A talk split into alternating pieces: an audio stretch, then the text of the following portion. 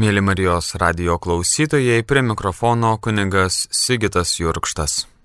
Gerbėjai Kristui, mėly Marijos radio klausytojai, šiandieną norėčiau su jumis pasidalinti pasakojimą apie Šiluvą, apie mergelės Marijos apsireiškimą Šiluvoje. Šią laidą pradėkime kunigo Stasių Įlos maldą. Švenčiausiai mergelė Marija, kuri Šiluvos laukuose pasirodė piemenėlėms, kuris skausmo ašoromis laistė į akmenį išlikusi altoriaus vietoje ir skundo balsu kalbėjai. Čia kitados buvo garbinamas mano sunus, o dabar ariama ir siejama. Duok, kad tavo ašarų sugraudinti, mes kaip kitados mūsų protėviai keltume tavo sunaus garbę apleistoje mūsų širdžių dirboje, atstatytume griūvančias mūsų širdžių šventovės, permaldautume viešpatį už visus mūsų tautos apsileidimus ir nuodėmes. O Dievo motina, mes trokštame iškelti iš užmaršties griuvėsių tavo apsireiškimo garbę, dar labiau pagerbti tave, mūsų žemės globėją, ir tavo padedami išmelsti mūsų kraštui gyvo tikėjimo dvasę. Amen. Iš dviejų su pusė tūkstančių pranešimų apie mergelės Marijos apsireiškimų vietas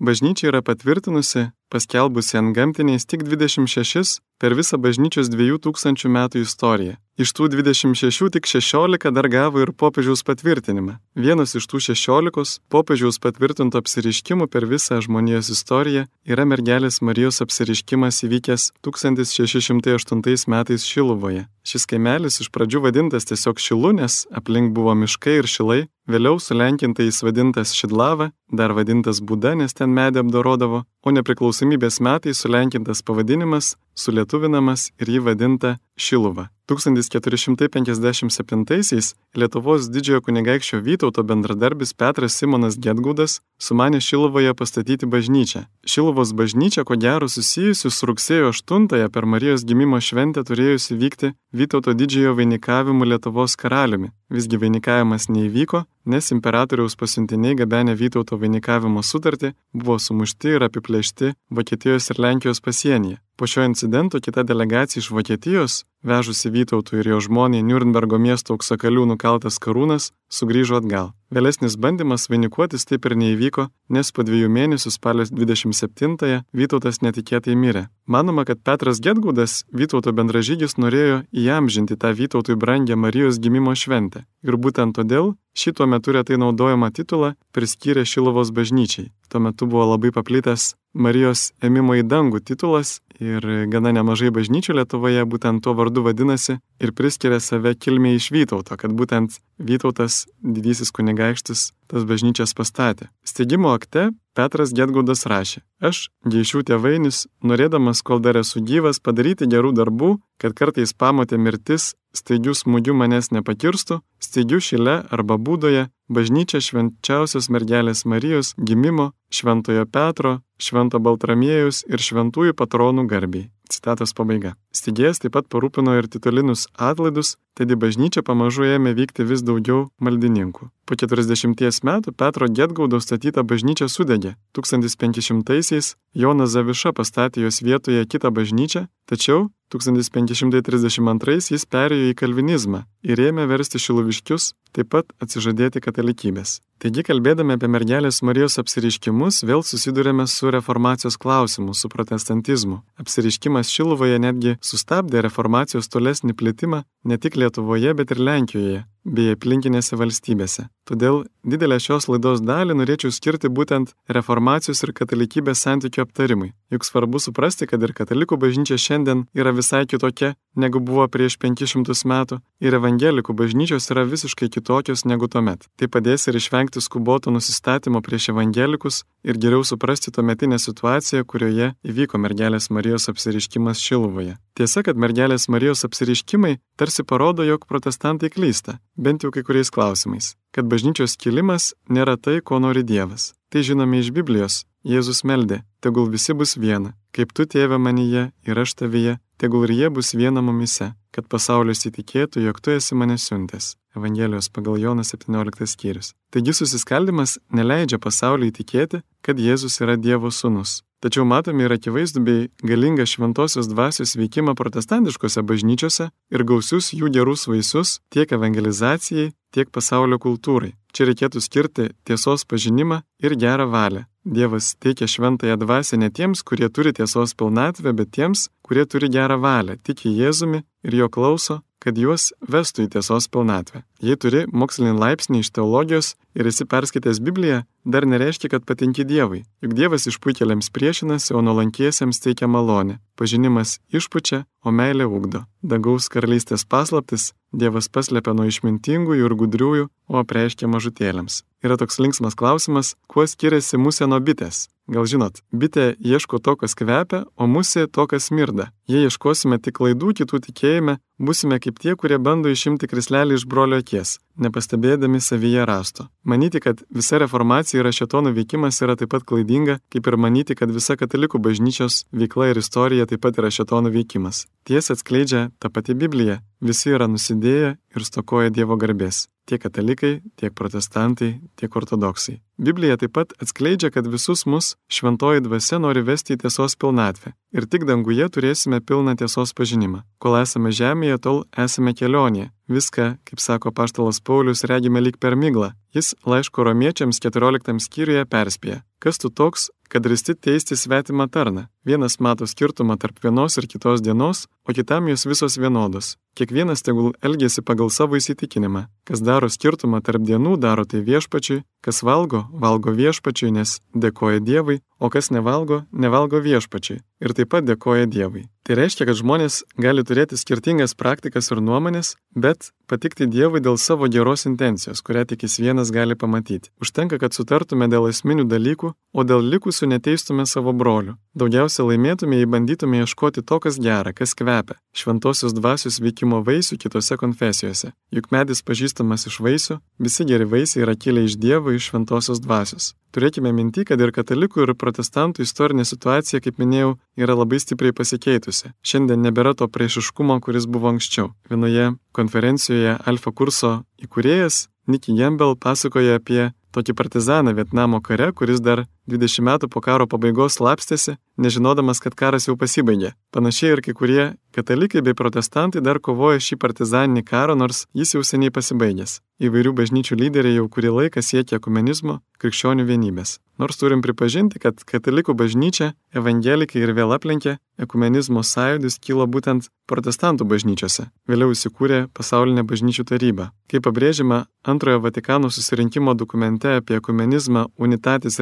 Redintegracijo, pirmiausia reikia apsivalyti nuo visų žodžių, kurie smerkia, ir veiksmų, kurie netitinka teisybės ir tiesos. Šiandien šventoji dvasia visas krikščionių bažnyčias labai stipriai kreipia vienybės keliu. Labai nuostabus to ženklas būna, kuomet per šilinių atlaidus beveik visada dalyvauja ir kitų krikščioniškų konfesijų viskupai ir jų atstovai - ortodoksų, liuteronų ir kalvinų reformatų. Būtent to siekia Dievas per mergelę Motiną Mariją - vienyti krikščionis, o ne dar labiau skaldyti. Šiandien svarbu kuo objektyviau pažinti, mums pažinti nekatalikiškų konfesijų krikščionių doktrinas, nes juk įkvėpimo jos semėsi iš to paties šventojo rašto. Dažniausiai tai, ką mes dėl savo žmogiško silpnumo ar žmogiškų nesutarimų supriešiname, iš tiesų papildo vienas kitą. Biblijoje gausų pavyzdžių, kai tuo pačiu klausimu pasakomas dvi atrodytų priešingos pozicijos kad ir garsioji priešprieša tarp tikėjimų ir darbų. Paštalas Paulius sako, kad įstatymo darbais nebus nuteisintas ne vienas žmogus, bet paštalas Jokubas kalba, jog tikėjimas be darbų negyvas, o paštalas Jonas apriškimo knygoje rašo, kad žmonės bus teisiami pagal jų darbus. Tai atrodo kaip prieštaringi teiginiai,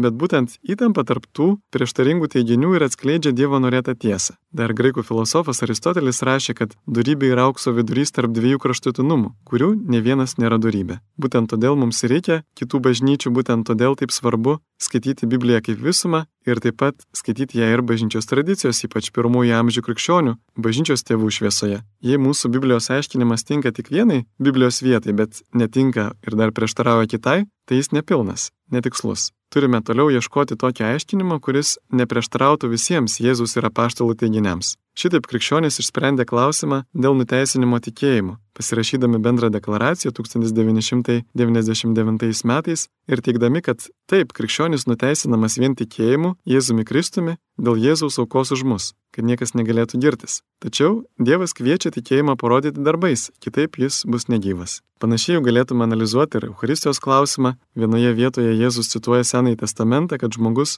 gyvas ne vien duona, bet ir kiekvienu žodžiu, išeinančiu iš Dievo lūpų kad jo maistas duona yra vykdyti Dievo valią. Bet kitoje vietoje Jėzus labai aiškiai kalba, kad jis yra gyvybės duona ir kad duona, kurią jis davė per paskutinę vakarienę paštalams, yra jo kūnas. juk niekur Biblijoje neparašyta, kad Jėzaus kūnas Euharistijos duonoje yra tik simboliškai. Raginimas tai daryti Jėzaus atminimui taip pat dar nereiškia, kad tai tik atminimas ir nieko daugiau. Bet to jei neužsikemšame savo ausų ir neužsidengiame akių, galime per visą bažnyčios istoriją matyti galingų Dievo ženklų, Euharistijos stebuklų, padedančių suprasti, kad jis tikrai yra toje duonoje. Arba krikščionių tradicijos atmetimo klausimas. Apaštalas Paulius sako, kad kas kelbtų kitokią evangeliją, tebūnė prakektas. Paštalas Jonas apriškime rašo, kad jeigu kas ką nors pridėtų ar atimtų nuo tos pranašystės žodžių, tiek jam te bus pridėta negandų. Čia jau galėtume skubėti ir padaryti išvadą, kad reikia remtis vien tik Bibliją ir nieko kitu. Bet jei būsime sažiningi, turime prisiminti ir Jėzaus kitokius pasisakymus. Pavyzdžiui, dar daug jums turėčiau kalbėti, bet dabar jūs to negalite pakelti. Kai ateis toji tiesos dvasia, jūs jį viską išmokys. Jėzus nepasakė, ar tas viskas, ko jį išmokys, bus tik per apaštalus ir baigsis su Naujojo testamento kanoninių knygų parašymu, ar šventoji dvasia mokys bei ves į tiesos pilnatvę ir toliau. Turbūt akivaizdu kiekvienam, kad šventoji dvasia nepaliauja mus mokiusi, kaip ir nepaliauja veikusi per visą istoriją ir mūsų dienomis. Tiesa yra ne tik tam tikras baigtinis knygų rinkinys, ji gerokai pranoksta raidę. Tai Jėzaus Kristaus asmuo, kurį mes šventosios dvasios padedami vis labiau pažįstame. Arba štai evangelikų dažnai puolamas pamaldumas į mergelę Mariją. Jos motinystė yra mums aiškiai atskleista prieškimo knygoje. Kai kurie komentatoriai sako, kad moteris apsisiautusi Saulė 12 šios knygos skyriuje yra bažnyčia. Na taip, jis simbolizuoja bažnyčią, bet juk bažnyčia nepagimdė Kristaus. Berniuko, kuriam skirta valdyti tautas geležinė lasda ir kuris buvo paimtas pas Dievą prie jo sosto. Jei iš tiesų nuoširdžiai ieškotume tiesos, turime pripažinti, kad čia kalbama būtent apie mergelę Mariją. Taip pat ir jos apsiriškimai tai paliudyja, nes ji pasirodo būtent tokia, kokia vaizduojame tame apreiškimo knygos 12 skyriuje - apsisiautusi Saulė su žvaigždžių vainiku. Tame apreiškimo knygos skyriuje taip pat parašyta, jog ji, ši moteris, dalyvauja kovoje prieš šetoną ir turi kitų palikonių, kurie laikosi Dievo įsakymų ir saugo Jėzaus liudijimą. Visiškai akivaizdu, kad Marija turi daugiau vaikų ir tie vaikai yra ne tie, kurie iš jos būtų gimę kūniškai, bet tie, kurie gimė iš dvasios. Kristaus kūno bažnyčios nariai, tie, kurie laikosi Dievo įsakymų ir saugo Jėzaus liudijimą. Netgi visi tie, už kuriuos Kristus numirė, kurie dar yra nusidėjėliai ir juos Marija užtarė kaip savo vaikus, kad atsiverstų ir amžinai nežūtų. Be abejo, būtų neišmintinga melstis vien šventųjų užtarimo, bet su tėvu, Jėzumi, šventąją dvasę beveik nebendrauti. Juk Evangelijoje Jėzus labai aiškiai atskleidžia, kad šalia visų Dievo dovanų, kurias jis kaip mylintis tėvas nori mums duoti, labiausiai jis ragina ieškoti jo meilės, šventosios dvasios dovanos. Jei meldžiu šventąją Antaną, kad padėtų surasti pamestą sagą, bet neprašau šventosios dvasios dovanos, kurią Dievas daug labiau trokšta duoti ir kuri yra nepalyginamai vertingesnė, elgiuosi tikrai neišmintingai. Ir jeigu meldžiu mergelės Marijos užtarimo, bet neteinu pas Jėzų, pas kurį jį trokšta nuvesti, neskaitau Jėzaus žodžio, nesistengiu pažinti jo valios, kuri apreikšta Biblijoje, tai iš tiesų nemyliu nei Dievo, nei mergelės Marijos. Nes juk jos didžiausias troškimas - nuvesti mane pas Jėzų, kad priimčiau ir vykdyčiau jo žodį, kad būtų vėl garbinamas jo sūnus. Jie apsiriškimuose rodo ne į save, bet į Jėzų. Kviečia garbinti ne save, bet Jėzų. Taip pat Marijos troškimas, kad Jėzus sėkėjų susitaikytų. Tai, kad Marija Šiluvoje apsireiškė kalvinams, buvo pirmas atvejis bažnyčios istorijoje. Argi tai nėra raginimas krikščionims susitaikyti? Galbūt netgi priimti šitą krikščionių susitaikinimo misiją kaip skirta būtent mums, Lietuvos krikščionims. Mes turime kai ką lietuviško, kas yra žinoma visame pasaulyje, tai Jėzaus apsiriškimai šventai Faustinai, Dievo gailestingumo atskleidimas. Ir mes taip pat turime taip pat tai, kas yra reikšminga visam pasauliu, būtent Marijos apsiriškimas Šilovoje, kur ji kalbėjo būtent kalvinams. Galime ir tai priimti kaip Dievo duodamą ženklą ir užduotį, kad siektume krikščionių vienybės ir kad tos vienybės siektume būtent su mergelės Marijos pagalba. Žmonės į Šiluvą ir kitas apsireiškimo vietas atvyksta daugiausia prašyti Marijos užtarimo dėl sveikatos. Tačiau ar nesusiskaldimas, ar ne nesantaika yra dažniausia tos sveikatos praradimo priežastis. Dievas nori mums gražinti sveikatą, bet tik po to, kai turėsime nuolankumo drąsos susitaikyti tarpusavį. Todėl popiežius Jonas Paulius II, atvykęs į Šiluvą 1993-aisiais, į mergelę Mariją kreipėsi ne tik ligonių sveikatą, bet ir taikos karalienę. Taigi stenkimės dar labiau pažinti reformaciją, jos idėjas ir jos pradininkus, kad galėtume ir geriau žengti tuo susitaikymo keliu. Apie Martyną Liuterį reformacijos pradininką jau daug kalbėta ir rašyta, pridėsiu tik tai, kad Liuterio paveikslas ilgus amžius buvo gana iškreipytas, nes jį formavo jo oponentų komentarai. 1996-aisiais Jonas Paulius II pabrėžė Liuterio troškimą atnaujinti bažnyčią. Popiežius Benediktas XVI pripažino Liuterio gilę aistrą ir per visą jo gyvenimą pulsuojančią Dievo ieškojimo jėgą ir tai, kad Liuteris neketino suskaldyti bažnyčios. Tuo tarpu popiežius Pranciškus pirmą kartą dalyvavo reformacijos 500 metų minėjimą Švedijoje. Beje, skrisdamas lėktuve apie Martiną Liuterį ir reformaciją, jis yra pasakęs štai ką. Bažnyčia nebuvo pavyzdinga. Joje buvo korupcijos, supasaulėjimo, godumo, valdžios geismo. Liuteris protestavo prieš tai, jis buvo protingas ir išsilavinęs žmogus. Tomo Kviniečio ir Martino Liuterio teologijos palyginimas parodė, kad nors teologų mąstymo būdai labai skirtingi, tačiau jie vienas kito netmeta. Kai kuriais atvejais netgi vienas kitą papildo. Kropštaus istorinio kritinio darbo dėka buvo nustatyta, kad abipusiai katalikų protestantų įsitikinimai buvo paremti daugiausia klaidingais įsitikinimais kitos pozicijos atžvilgių, vienpusiškai interpretacija arba klaidingais akcentais. Pavyzdžiui, šiandienos liuteronų dvasininkai Lietuvoje per privačius pokalbius sako, kad nemato jokių esminių skirtumų tarp šiandienos liuteronų ir katalikų tikėjimo. Toliau Jonas Kalvinas, kurio mokymas padarė didelį įtaką ne tik kalvinams, evangelikams ir reformatams, bet ir baptistam, anglikonams, charizmininkams, laisvosioms bažnyčiams, didelę savo gyvenimo dalį praleido persekėjimas, kaip ir kiti Europos evangelikai. Jonas Kalvinas, kurio pasiekėjai buvo įsitvirtinę Šilvoje, buvo dėja persekiojamas katalikų bažnyčios. Galėtume pašiepti ir iškreiptai pristatyti jo doktrinas, tačiau galėtume ir pasistengti jas suprasti bei rasti juose biblinį pagrindą. Būtent persekiojimuose, būdant pabėgėliu, Jonui Kalvinui tapo svarbi predestinacijos doktrina, Dievas iš anksto išsirinko šventuosius be jokių nuopelnų ir tai teikia viltį nesibaigiančiose jo persekiojimuose. Neteisingai suprantant atrodytų, kad Kalvinas tikėjo žiaurių dievų, kuris nusprendžia, kas turi eiti pragarą. Tačiau tai juk netiesa. Biblijos apreiškimo Jonui knygoje, o taip pat Pauliaus raštuose išdėstyta predestinacijos doktrina tiesiog reiškia, kad Dievas iš anksto žino žmonių pasirinkimus. Todėl iš anksto ir turi paruošęs jiems planą bei jam žina atlygį, nepažeisdamas jų laisvos valios. Ką dar būtų galima pasakyti apie reformatus, jie akcentavo atvirumą pasaulį, kad krikščionis negali užsidaryti nuo aplinkos ir nedaryti jai jokio poveikio. Mes juk esame pašaukti rodyti klusnumą Dievui šeimoje, valstybėje, profesinėje ir visuomeninėje veikloje. Katalikų bažnyčia šią tiesą išryškino antro Vatikano susirinkime, kai buvo nustota konfliktuoti su aplinkiniu pasauliu, taip pat ir su atsiskyrusiamis krikščionių bažnyčiamis, taip pat ir su kitomis religijomis, bet pradėta ieškoti dialogo. Reformatams buvo svarbu ir praktinė socialinė veikla kova už teisingumą, tad Jono Kalvino idėjos prisidėjo prie kapitalizmo, demokratijos susiformavimo. Jonas Kalvinas priešindamasis per nelik dideliam askezės pabrėžimui, netgi primetimui to meto visuomenėje, kreipia dėmesį ir į grožį, džiaugsmą, malonumą, sakydamas, kad dar šiame gyvenime per daugybę malonumų mes jau pradedame ragauti Dievo gerumo saldybę. Turim suvokti, kad tas savanoriškas askezės prisėmimas, aišku, yra Dievo meilė, bet askezės primetimas kitiems per prievartą rodo ne ką kitą kaip artimo meilės trūkumą. Jonas Kalvinas taip pat giliai suvokė ir nuodėmės tikrovę ir nors yra dažnai katalikų kritikuojamas dėl to, kad mato žmogaus prigimti visiškai sugedusią, visgi šių dienų visuomeniai kaip tik ir trūksta to gilesnio nuodėmės suvokimo. Kuo arčiau priartėjom prie Dievo, tuo labiau jo šviesoje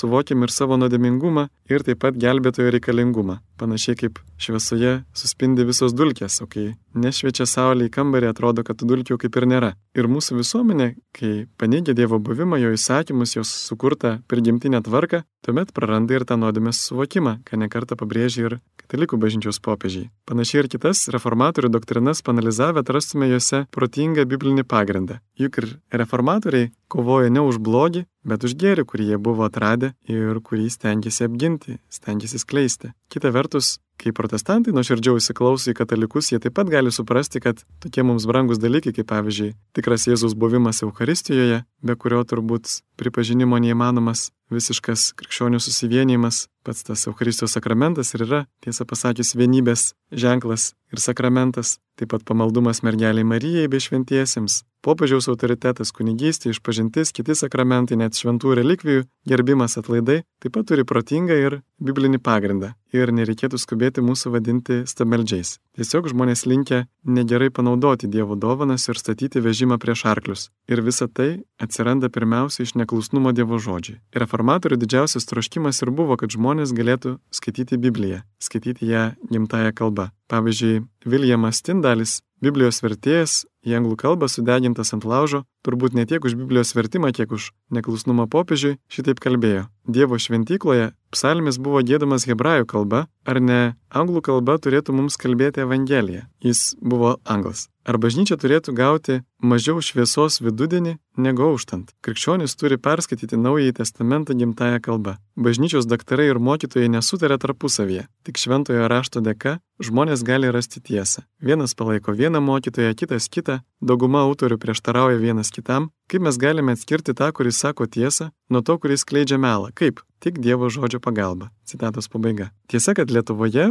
pirmoji krikščioniška spauda ir Biblijos vertimas pasirodė būtent evangelikų literonų dėka. Visgi pasaulyje jau seniai būta Biblijos vertimų į kitas kalbas, tiesa ne iš originalo, bet iš latiniškosios vulgatos. Tad negalėtume sakyti, kad katalikų bažnyčioje nebuvo vertimų į kitas kalbas. Pavyzdžiui, šventieji Kirilas ir Metodijus, evangelizuodami slavų tautas jau 9 amžiuje, išvertė Bibliją į senąją slavų kalbą. 3 amžiuje Biblija išversta į koptų, 4 amžiuje į Egipto etijopų, 5 amžiuje į armėnų ir gruzinų kalbas, taigi netiesa, kad būtent protestantai pradėjo versti Bibliją gimtasis kalbas. Visgi katalikų bažnyčia neskubėjo versti liturgijos ir Biblijos į kitas kalbas, ypač jie apsileido pasinaudoti naują technologiją Gutenbergo spausdinimo mašina. Būtent šis Gutenbergo išradimas ir sudarė sąlygas masiškai leisti Biblijas gimtosiomis kalbomis, o kartu ir išplisti reformacijos idėjams. Ir buvo didžiulis papiktinimas, kad šitiek metų katalikų bažnyčia tuo išradimu nepasinaudojo Dievo garbiai, Dievo žodžio skleidimui.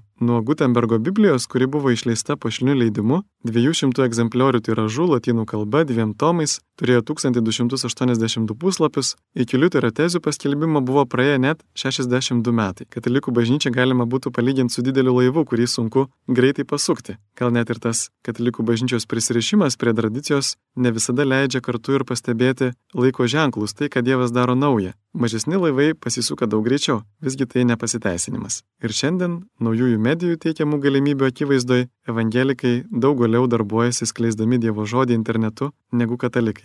Netgi norisi palyginti mūsų brolius evangelikus su apaštalu Pauliumi, kuris paskleidė Evangeliją į kito meto pasaulio pakraščių ir kuris išdryso subarti Petrą už vidmenystę. Jeigu katalikų bažnyčia būtų nuolankiai prieimusi tuos pabarimus, kurie buvo turbūt teisingi, gal istorija būtų pasisukusi kitą linkmę. Tačiau ji pradėjo piknaudžiauti savo gale, ėmėsi represijų ir tai sukėlė tik dar stipresnį ir krūvinesnį susipriešinimą. Dabar pažvelkime į iškiliausius reformatorius Lietuvoje. Jie beje mini ir Šiluvą, žmonių piligrimystės į Šiluvą. Martinas Mažvidas, liuteronų pastorius Ragainėje, buvo vienas ryškiausių Lietuvos reformatorių, jis visa širdimi troško, kad žmonės pažintų Dievo žodį. Liuteronams turėtume būti dėkingi už pirmąją lietuvišką knygą Mažvido katekizmą. Tai buvo 79 puslapių nedidelio formato knygelė, ją sudarė elementorius mokymui skaityti, katekizmas apie 10 dievų įsakymų, 12 tikėjimo tiesų, viešpaties maldą, sakramentus. Taip pat buvo ir pirmasis lietuviškas natų giesmynas su 11 to metų populiariausių protestantiškų giesmių.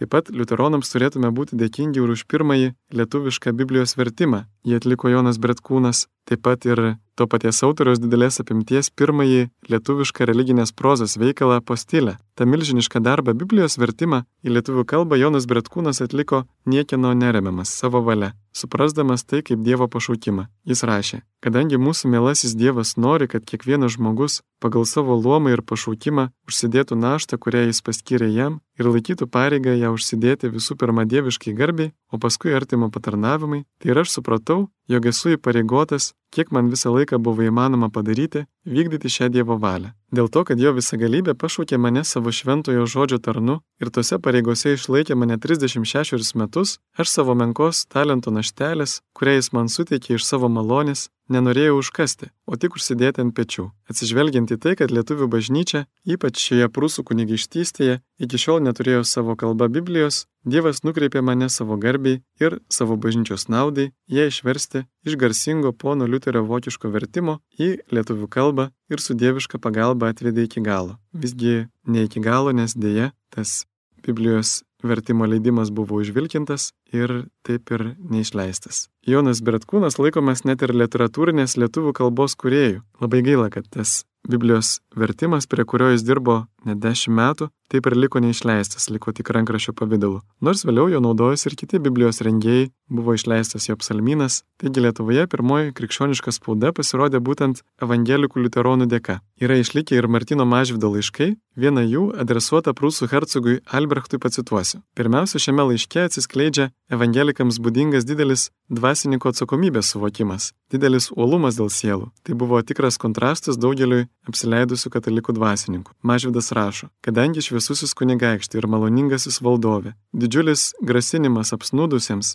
ar apsileidusiems sielų ganytojams, aiškiai išreikštas pranašo Ezekėliaus raštuose posakiu, o jo kraujo pareikalausiu iš tavo rankus, mano širdį ir protą apima baimė ir skatina mane uoliai atlikti savo pareigas. Juk ir aš visų pirma dangaus tėvo, Dievo, o paskui ir tavo šviesiosios aukštybės pašaukimu ir malonė esu pastatytas tarp daugelio ganytojų. O su kokiu uolumu aš rūpinausi ir rūpinuosi man pavestomis Kristaus savimis. Liudininkas to yra Dievas, kuris man pagelbsti šiame pašaukime. Citatos pabaiga. Taip pat visgi galime matyti ir mažvido nusistatymą prieš popiežiaus mokymą asmenį ir jam ištikimus katalikus. Cituoju, iš tikrųjų čia atvykęs radau daugelį žmonių taip atsidavusių pragaištingam popiežininkų mokymui, jog maždaug 20 metų, o gal ir daugiau jie vengia švenčiausio altoriaus sakramento, nors dėl to yra aiškus Dievo įsakymas ir šventosios bažnyčios potvarkis. Beje, mums tai atrodo kaip kažkoks nesusipratimas, nes kaip tik bažnyčia ir akcentuoja tą pamaldumą švenčiausiam altoriaus sakramentui, skelbia apie tikėjimą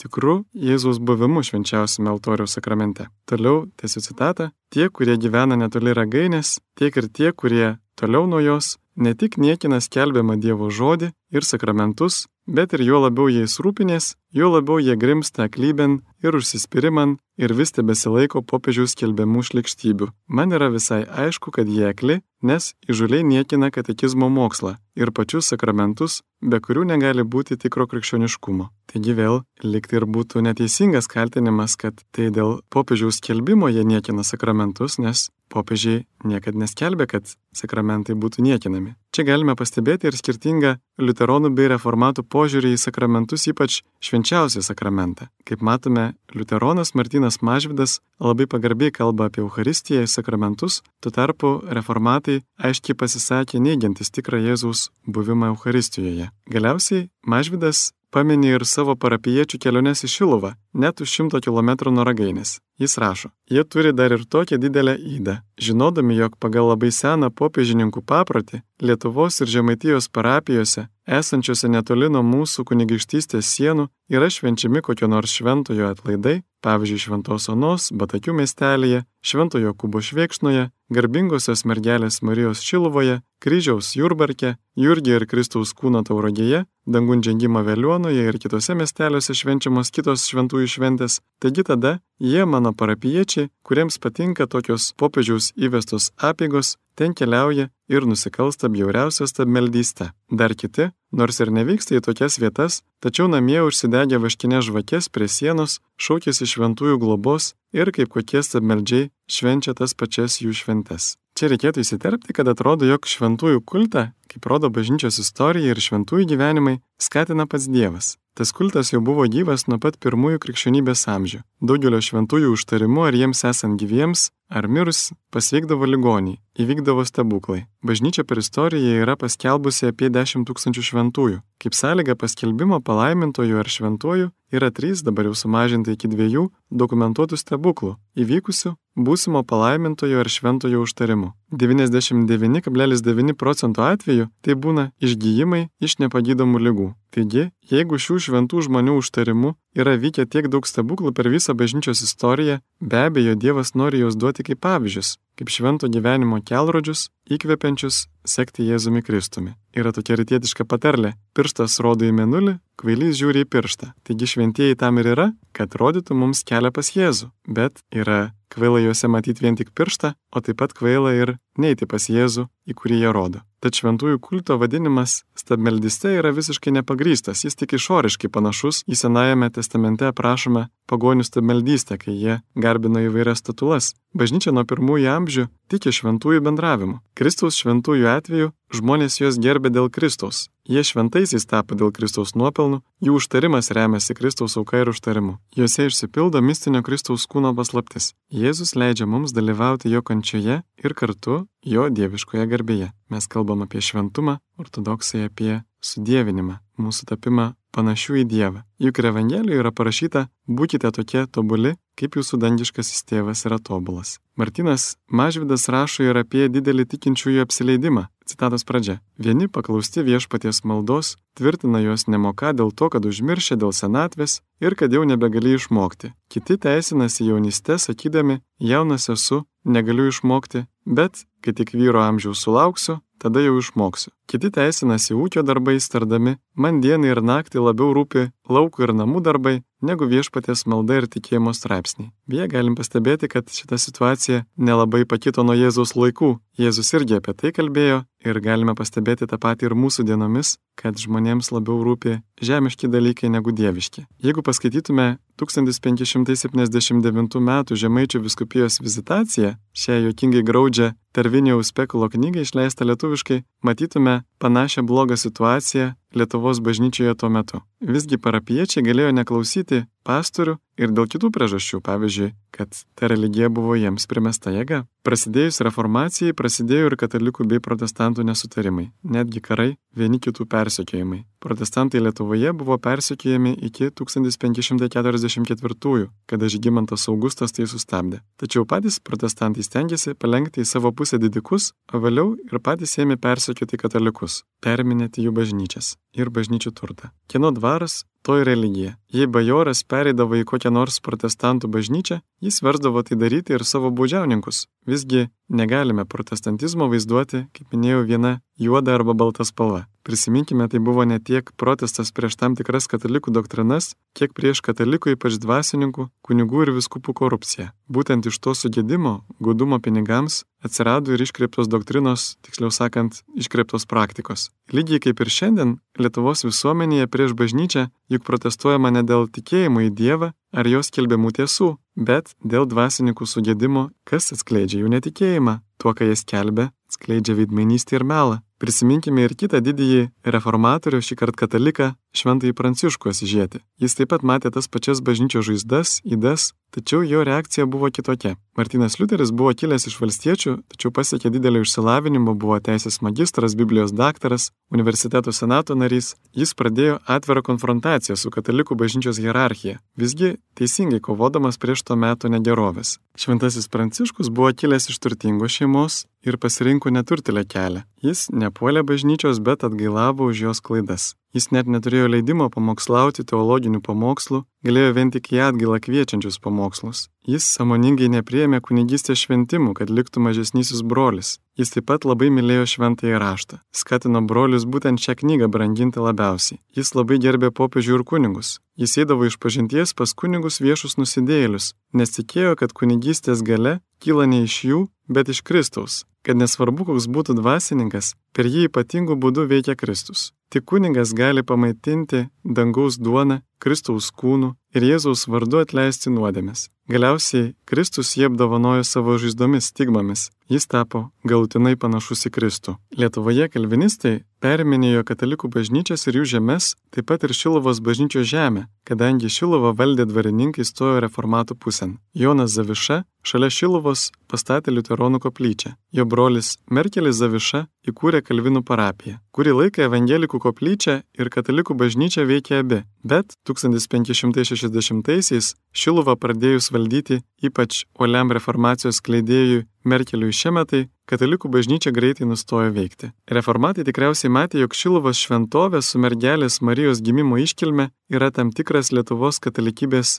centras, kadangi dėl titulinių atlaidų jie plaukdavo minios maldininkų, net iš tolimiausių protestantiškų kraštų. Todėl jie siekė ten įkurti ir reformacijos centrą. Reformatė Sofija Vnučkienė iš Šiluvos valdytojų perpirko nusavintas parapijos žemės, užrašė jas Kalvinų bendruomeniai. Šiluvoje buvo įsteigta Kalvinų seminarija, kuri buvo vienintelė Lietuvoje. Atkreipkime dėmesį, kad jau nuo 15 amžiaus dar prieš mergelės Marijos apsiriškimą Šiluva jau buvo tapusi Lietuvos katalikų dvasiniu centru. Taigi lietuviai Šiluva keliauja melsis jau 500 metų. 1569-aisiais paskutinis Šiluvos klebonas Jonas Hulupka, nujausdamas artėjantį katalikų bažnyčios uždarimą, turbūt nugriovimą, bažnyčios vertybės ir dokumentus sudėjo į geležimi kaustytą dėžę ir netoliese užkasi, o pats, matyt bijodamas persekiojimų, pasitraukė. Vietinė katalikų bažnyčia buvo nugriauta. 1588-ųjų trečiasis Lietuvos statutas pripažino katalikų teisę atgauti nusavintus turtus.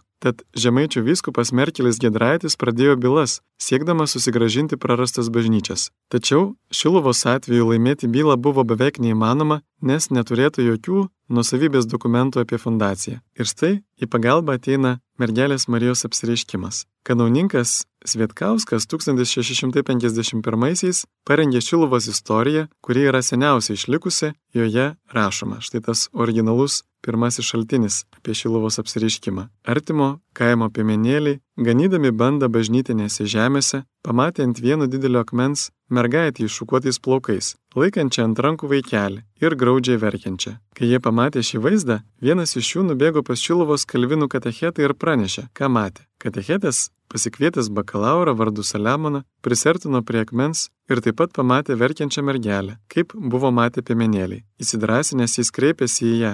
Mergaitė, ko verki? Mergaitė atsakė, verkiu dėl to, kad prieš tai šioje vietoje buvo garbinamas mano sunus, o dabar čia ariama ir siejama. Tai tarusi jį pranyko. Katechetas su bakalauru paniekino tą regėjimą, laikydami jį piktosios dvasios padaru. Piemenėliai, grįžę su bandai į namus, tą dalyką ėmė skleisti tarp savųjų. Vienas senas ūkininkas, daugiau kaip šimto metų amžiaus, iš senatvės beveik apakęs, tarė savo kaimynams. Mėly kaimynai, sakykit, ką norit, bet aš jūs tikinu, kad ant to akmens buvo ne koks gundimas, bet pasirodė toji mergelė su savo suneliu, kurio garbėje nuoje vietoje stovėjo senovinė katalikų bažnyčia. Kiek aš atsimenu, prieš 80 metų mūsų ponai sugriovė ją ir panaikino. Kada tas pasakojimas pradėjo plisti tarp valstiečių įvairių miestelių turguose, pasiekė ir žemaičių viskupijos oficijola. Jis tuo metu buvo jo prakilnybė kunigas Kazakevičius Malka, kanauninkas, o vėliau tos pačios viskupijos paviskupis. Jis, susirūpinęs Dievo garbės plėtimu, nuvyko į Šilovos valščių ir rūpestingai apklausė visus mačiusius tą vaizdą. Po to atidžiai peržiūrėjo žemaičių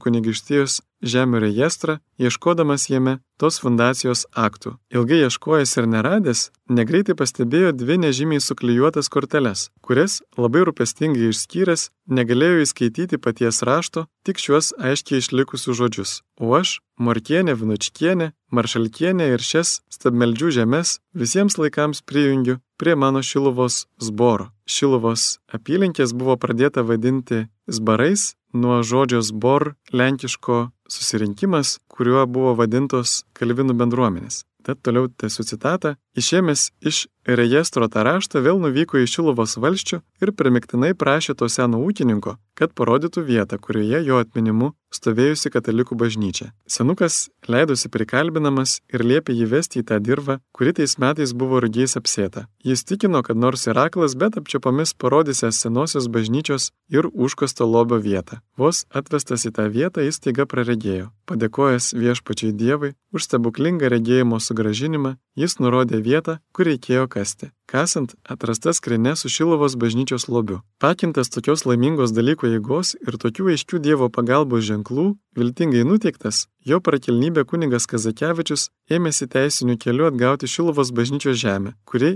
jai priklausė pagal fundaciją. Citatos pabaiga. Tam ypač padėjo skrinioje rastas dokumentas, kuriuo Getgaudas 1547-aisiais dovanojo katalikų parapijai žemę. Taigi praėjus 14 metų po apsireiškimo 1622-aisiais katalikai atgavo bažnytinės žemės. Piemenėliai į apsireiškimą pakvietė, kaip minėta, tuos du kalvinus - Kalvinų seminarijos rektorių bakalauro Saliamoną Grocijų ir Šilovos Kalvinų katechetą Mikalojų Fierą. Šis pastarasis tuoj po apsireiškimų kitais metais išsikraustė iš Šilovos. 1614 Kalvinų Vilniaus sinodo buvo ten gražintas, bet po metų vėl išsikraustė. Kalvinų sinodas paprastai drausmindavo pamokslininkus už tokius pasitraukimus, bet šį kartą nedarė. Taip pat jau kitais metais po apsireiškimų Kalvinų seminarija susidūrė su vidiniais sunkumais. 1668 metais prie Marijos apsireiškimo koplyčios įsiplėskė krūveni katalikų ir kalvinų ginčiai dėl bažnytinės žemės. Vieno tokio ginčio metu peršautas katalikų vikaras Sernekauskas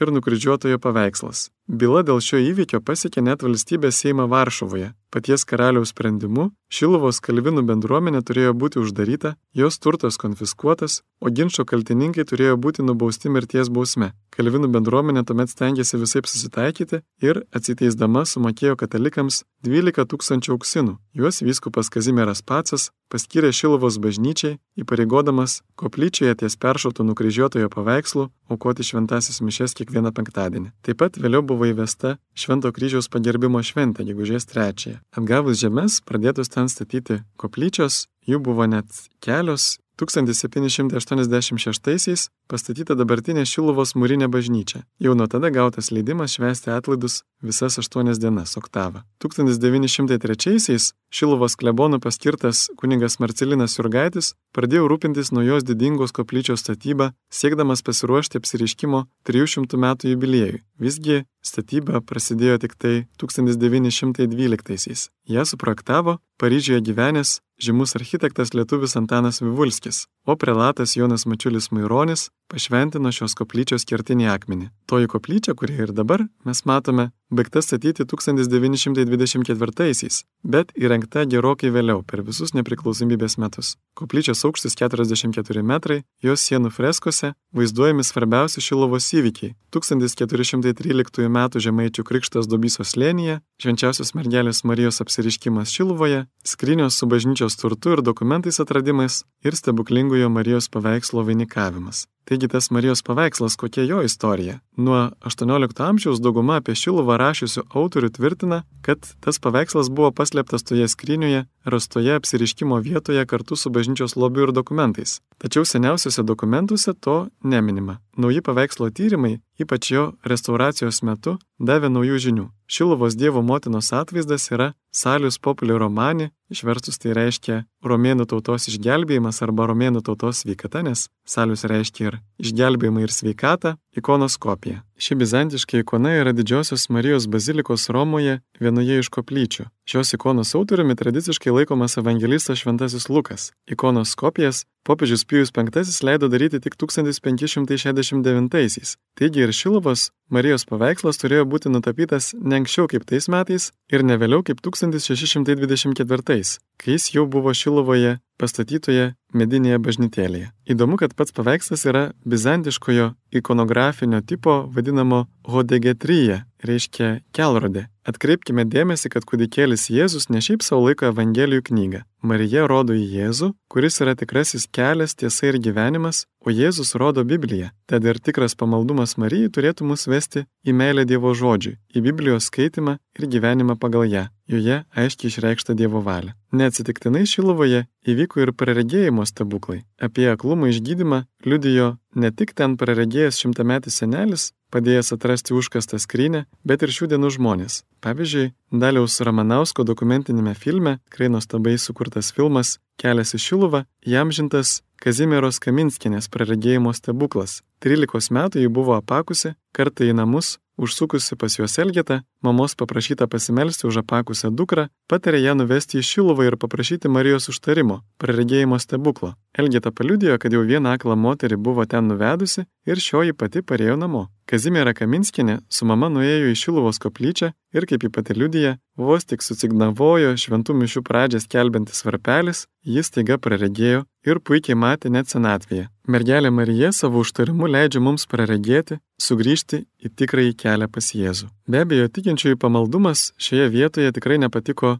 sovietmečių okupaciniai valdžiai. Valdžia bandė visais būdais sukliudyti piligriminės keliones į Šiluvą. Jie menkino, jos netvarkė, maldininkus baugindavo, atiminėdavo teisės, išlaipindavo keleivius, užkirzdavo kelius ir takelius, persegėdavo kelionių organizatorius, kurie kartais gaudavo net 3 metus kalėjimo už tai. 1979-aisiais sovietai netgi paskelbė keulių marą, kad sutrukdytų piligrimams atvykti. Tačiau žmonių niekas nesustabdydavo. Štai liudimas iš Katalikų bažnyčios kronikos 1974 metais parašytas. Rugsėjo pradžioje, šilinių atlaidų metu, į Šiluvą plaukė tūkstantinės žmonių minios. Sekmadieniais automašinos netilpo Šiluvos miestelėje ir autoinspektoriai buvo reikiuojamos laukose. Autoinspektoriai demonstratyviai užsirašinėjo automašinų numerius. Per šilinių atlaidus, per šilinių atlaidus kasmet išdalyjama apie 50 tūkstančių šventųjų komunijų. Citatos pabaiga. Įdomu pastebėti, kad sovietai pamatė, kad nesustabdys tų žmonių minių, vis dėlto pradėjo padėti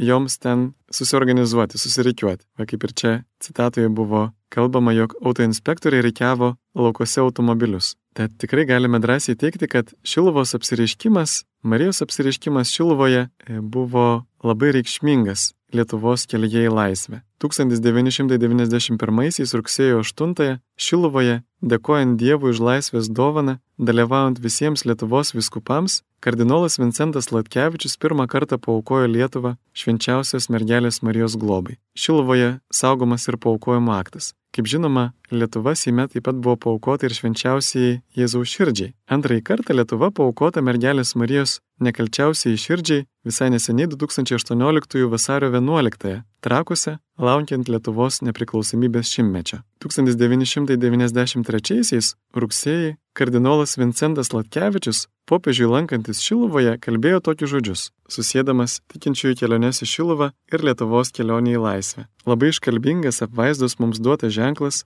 kad būtent su atgyjusiu Euharistijos garbinimu ir pamaldumu Marijai glaudžiai susijęs sąžinės ir visuomenės atgimimas, laisvėjimo pradžia. 7-8 dešimtmečiuose katalikų daugiausia jaunimo atgailos ir maldos eisenos į Šiluvą, bendra švento rožančiaus malda, atsiteisimo už tautos nuodėmės mintis, kaip tikras kelias į vidinę laisvę, brandino Lietuvos bažnyčios savimonę, skatino pasauliečių aktyvumą ir atsakomybę pagal Vatikano antrojo susirinkimo dvasę. Citatos pabaiga. Jonas Paulius II kreipėsi į švenčiausią mergelę Mariją, susirinkusiųjų akivaizdoje tokią maldą. Šventoji Šilovos mergelė, ligonių sveikata. Su virpuliu šiandien kreipiuosi į tave kaip visuotinės bažnyčios ganytojas. Slegiančios kančios ir ilgų išbandymų metais tu nepalioviai žvelgusi į Lietuvą, kryžių žemę. Štai atvykstu padėkoti šios tautos tikinčiųjų vardu. Per tavo užtarimą išmušė prisikėlimo ir vilties valanda šioje tau pašvestoje žemėje. Ką jie išprašiai, kad tavo sunus vandenį paverstų vynu.